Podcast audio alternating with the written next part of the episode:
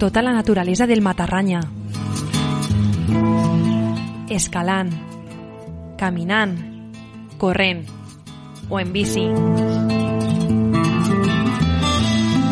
Ho contarem aquí, a Ràdio Matarranya. No sol cabres, tiren al monte.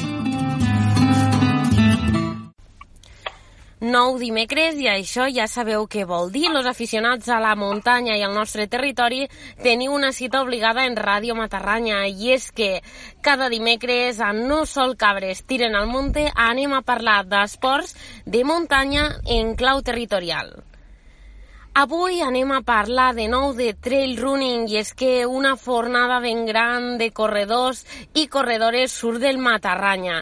Avui concretament on anem? Hasta Montroig. Allí tenim a Marina Alvesa que mos comentarà una miqueta la seva trajectòria i també, com sempre, quina ruta mos proporciona. Bon dia, Marina. Hola, bon dia, què tal? Bueno, gràcies per estar avui a Ràdio Matarranya, una veu femenina una vegada més parlant aquí del trail running al Matarranya. Conta'm d'entrada, la teva experiència és de Montroig.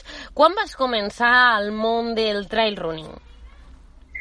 Pues, bueno, jo he, he crescut sempre a Montroig, i soc de Montroig, i vaig començar, pues, els 18, 19 anys, eh, començar a córrer perquè bueno, pues vaig veure Àngel i vaig dir, bueno, pues vaig a provar això. I bueno, pues al principi corria, però res, anava hasta una ermita que no està més allà de dos quilòmetres i tornava i ofegada.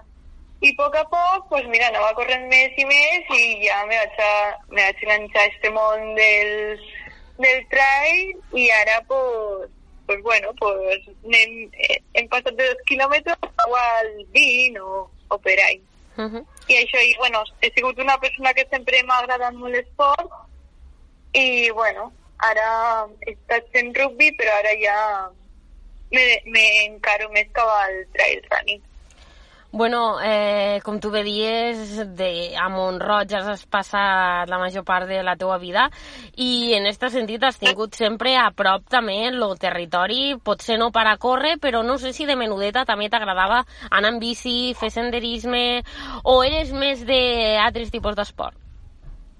Pues de menuda vaig començar en patinatge i els típics esports que fas aquí que te venien de la comarca i bueno, pues pasajes y las tardes. Y la verdad es que el monte sí que había anat en bici, però no el tenia com algo que digués, a la muntanya. Va ser quan vaig marxar a estudiar a Barcelona, que, bueno, pues, quan marxes a estudiar ja saps que vens de, de, Pasca, de Pasqua Sant no?, al poble. I va ser entonces quan començaves a valorar més pues, el monte, no?, que allí eh, ixes de casa i veus un edifici i és tot ruïdera i, i escandalós i aquí així és i dius la muntanya i és que mm, el cos te incita, eh, te demana eh, així a córrer, així al monte és barat i, i disfrutar, no? Ahí de la tranquil·litat, dels sorolls de la naturalesa, dels animalets i de tot. Claro, perquè t'anava a preguntar una miqueta quin és el punt d'inflexió no? per a començar a fer trail running i eh, sobta una mica perquè no ets la primera de les nostres invitades joves que van tindre este punt d'inflexió just al marxar fora, no? És lo típic de que no valorem el que tenim hasta que ho perdem, en este cas hasta que marxem fora i així va ser el teu cas. Comences a llavors als 18 anys i com ho fas? Comences a córrer per la muntanya tot sola, t'agrupes en altres companys? Pues mm, vaig començar... Era una mica de tot, no? Hi, hi havia dies que eixia sola i hi havia dies que eixia en, en aquí del, del poble que diem, va, pues avui anem a córrer. Però, claro, eixies a córrer també pues, per lo que coneixies, perquè tampoc en aquests en aquests temps tampoc coneixes molt o més que no coneixes no t'atrevixes no, a, a fer tirades llargues i dir a veure on vaig, quan tardo i, i te dona com una mica de, una sensació de temor, no? De perdre't o, o això. I pues, a poc a poc vaig començar a córrer, després, eh, de, al cap de molts anys, no? De, vaig començar a juntar en Àngel i en lo Matarranya Team i ara pues, bueno, pues ja porto dos, tres anyets així corrent bastant per muntanya, participant en carreres, eh, fent tirades llargues, bueno, tirades llargues mitges o, men o menudes, i ja és, ja és quan t'atrevixes, no? Així tu sola o en grup i a dir, pues, a lo que vingue, a descobrir monte, a descobrir món i, i a disfrutar, no?, de lo que tenim.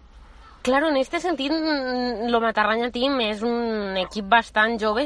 No sé si creus que feia falta al territori, no? Alguna cosa així, perquè al final, per a tu, pel que expliques, va ser com una mica un punt d'apoyo també per a compartir experiències i per a poder ja, eh, potser, no és la paraula, però professionalitzar una mica, no? Ja dirigir una mica els entrenaments, participar a competicions...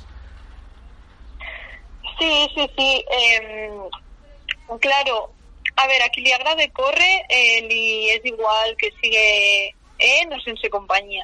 Quan a una persona li agrada no monte i corre, pues, arriba un punt que dius, bueno, si vaig en companyia bé, perquè se fa més agradós, però si no, no passa res, no? També disfrutes de la soledat i de la tranquil·litat. Però sí, el Matarranya Team trobo que és una iniciativa i un, bueno, i un projecte no, que neix amb molta il·lusió naix amb molta força i en ganes de fer coses i és com un punt de referència per a, bueno, aquesta gent que fa sí, però no, però sí, però no, pues és com un punt d'apoyo i, i de motivació molt fort. I trobo i la comarca que tenim, la comarca del Matarranya és molt rica en la naturalesa, té moltes sendes, té molt, moltes coses per descobrir i pues en el Matarranya Team és en, per a mi ha sigut com aquest punt de referència d'eixir més enllà del terme de Montroig, no? I la veritat és que sí, és com el punt este de que hi ha gent que serà com molt professional, però també gent que és mm, nivell eh, amateur, no? Total, i, i amateur, amateur, efectivament. Bueno, pues Marina, coneguda sí. ja la teva trajectòria, eh, anem una mica a descobrir esta ruta de trail running pel nostre territori. Comenta-mos, eh, quina ruta és?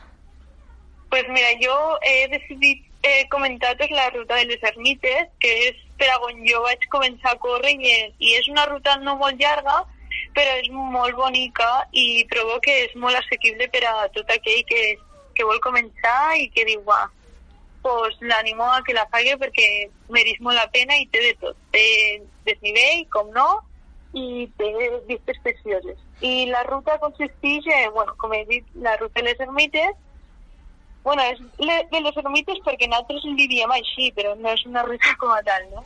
Eh, és d'aquí del poble, de, de la gasolinera de Montroig, i és un camí que puja cap a dalt. Entonces, eh, está marcada por un PR, eh, recordo lo color groc y blanc, y pues primer arribes a la ermita de Santa Bàrbara. Eh, són un quilòmetre i mig per ahí i, i arribes a una bifurcació i has de tirar a l'esquerra per un caminet, una senda que és molt bonica. I arribes com a una baixada així de, de terra. De terra que quan plou allò és fantàstic perquè és ahí que veus lo, lo perill però controlat, no? A la gent que ens agrada córrer i cosetes, pues sempre te donen una mica de motivació. Entonces, crees que eh, seguís, seguís recte cap a dalt i comencé un, com una senda així més boscosa i de pedretes i res, són 200 metres i arribes a l'ermita de Santa Bàrbara, que és una ermita que bueno, ara està destruïda perquè bueno, tots sabem que quan la Primera Guerra moltes iglesias i ermites pues, van així mal parades. I bueno, d'ahir pots veure eh, pues, la part de, de la punta de la camiseta, Peñarroja, par de, de los ah, Torremiró, de, de allí. Entonces, dones una volteta a l'ermita i tornes a baixar pel mateix camí fins arribar a la primera bifurcació. En compte, entonces, aleshores de tirar a l'esquerra, tires a mà dreta i, passa, i passes per davall del, del punt de vigilància de Montroig. Segueixes recte, recte, recte, recte i ja ahí és una senda que te porta a l'ermita de la Consolació, que és pues, esa senda és brutal, és brutal perquè té pujades, baixades, té està genial per a poder córrer ahí muntanya, no? De que cal, cal sigues segur, no la típica que sigues i dius, aquí me marxarà el peu. No, no pots cal sigues segur, a més l'han limpiat fa poc. I res, respira dos quilòmetres, doncs mira, pujades, baixades i tot recte. I arribes entonces a l'ermita de la Consolació, que és una ermita que, que està, està allà, bé, o sigui, no està destruïda ni res, i que a més hi ha un, un hotel sencer al costat. I, bueno, allí la zona és bastant verdosa, té... És molt, és molt bonica.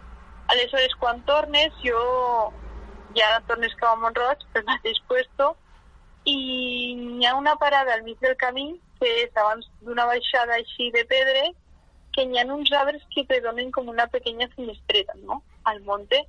I quan vas a córrer ja quan, quan s'amaga el sol i pares allí, veus el sol com s'amaga i, i pots veure els colors rojos, eh, així càlids del, de l'atardecer, no? I, bueno, és molt maja. I ja tornes a Montroig. I en total el recorregut del qual estem parlant eixen uns eh, 6 quilòmetres aproximadament, no?, en les dues ermites, i de desnivell hi haurà, pues, uns 100 metres de desnivell en total. Claro, no són tots seguits, sinó que pues, hi ha molta pujada i baixada, i he de dir que hi ha un tramo, que és Strava, que anima la gent a que se fico primers de, de la llista que és la pujada de la Consolació, que són 400 metres de, de pujada i que és bastant, bastant assequible. Canse, però és bastant assequible. Bueno. I aquesta és la ruta que he decidit contar-vos avui. Bueno, déu nhi quina ruta, una ruta molt, que va, pot anar molt bé per entrenar també entre setmana a propet i d'una distància sí. i un desnivell, bueno, com tu bé dius, pues, que, que per entrenar pot anar bé i que a més te sí. dona a conèixer tot este patrimoni històric que també és interessant que els corredors, els esportistes lo remarquéssiu i el reivindiquéssiu i bueno, que veiem també que a les nostres muntanyes també podem gaudir de tot este patrimoni, sigui enderrocat o sigui en bon estat. I no sé, Marina, en conclusió, per què has decidit recomanar-nos esta ruta? Suposo que has buscat d'entrada una que faci pel teu poble, no? I després també perquè sí. deu, te deu agradar especialment. Pues sí, com, crec que, no sé si t'he comentat o no, és una ruta que jo la vaig començar a fer al principi i que me va enganxar en això del córrer, perquè és que és, és tot el camí és, és preciós, és, té sendetes, té, coses, té així, tu sabes que t'amaguen més, i és una ruta que, que, això, que no que la pots fer un dia normal, que no estàs cansant ni res, i dius, va, m'apeteix córrer, pues són 40 minuts així corrent a un ritme ligero però tampoc a molta canya. I que, no sé, trobo que, que per a fer entrenos de costes jo vaig allí i, i quan m'apetís desfogam també. És una ruta que per a mi és, és molt maja. No, és una, no són quilometrades, però bueno, si te quedes en ganes de més, de més sempre la pots fer dos vegades. Bueno, pues a veure si així animem algú més a que la provi, una miqueta caminant, una miqueta corrent, i a veure si enganxem amb més gent al trail running al Matarranya. Marina, moltíssimes pues gràcies sí. per haver-nos presentat esta ruta tan bonica i a més haver-ho fet en un detall excepcional i esperem continuar parlant en tu en properes ocasions i ja ho saps, com sempre, per acabar este programa, recomana'm una cançó. Pues jo la cançó que sempre utilitzo per a eixir a córrer, o la que més m'agrada, és de la mara maravillosa orquestra d'alcohol, o la moda, la cançó de Nómades. És com el, la top, en la que me motivé a, a comenzar a correr.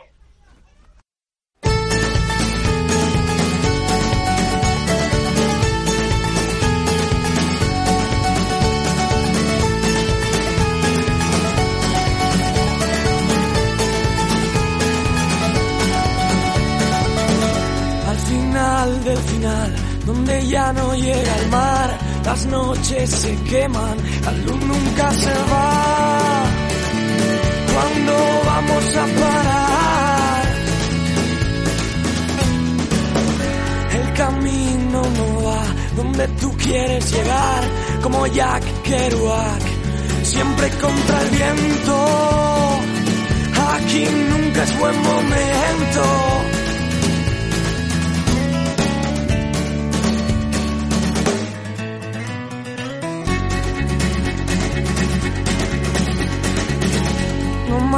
Sin ciudad, cansados de esperar, mira la carretera, ves los días pasar. ¿Cuándo vamos a parar? No hay canciones en la radio que hablen de lo que soñamos, no hay futuro ya pasado, el presente no se ve. Nunca vamos a volver. Distancia nos acerca. Te sientes vivo. En el andén. Esa sensación de no haber perdido tu tren.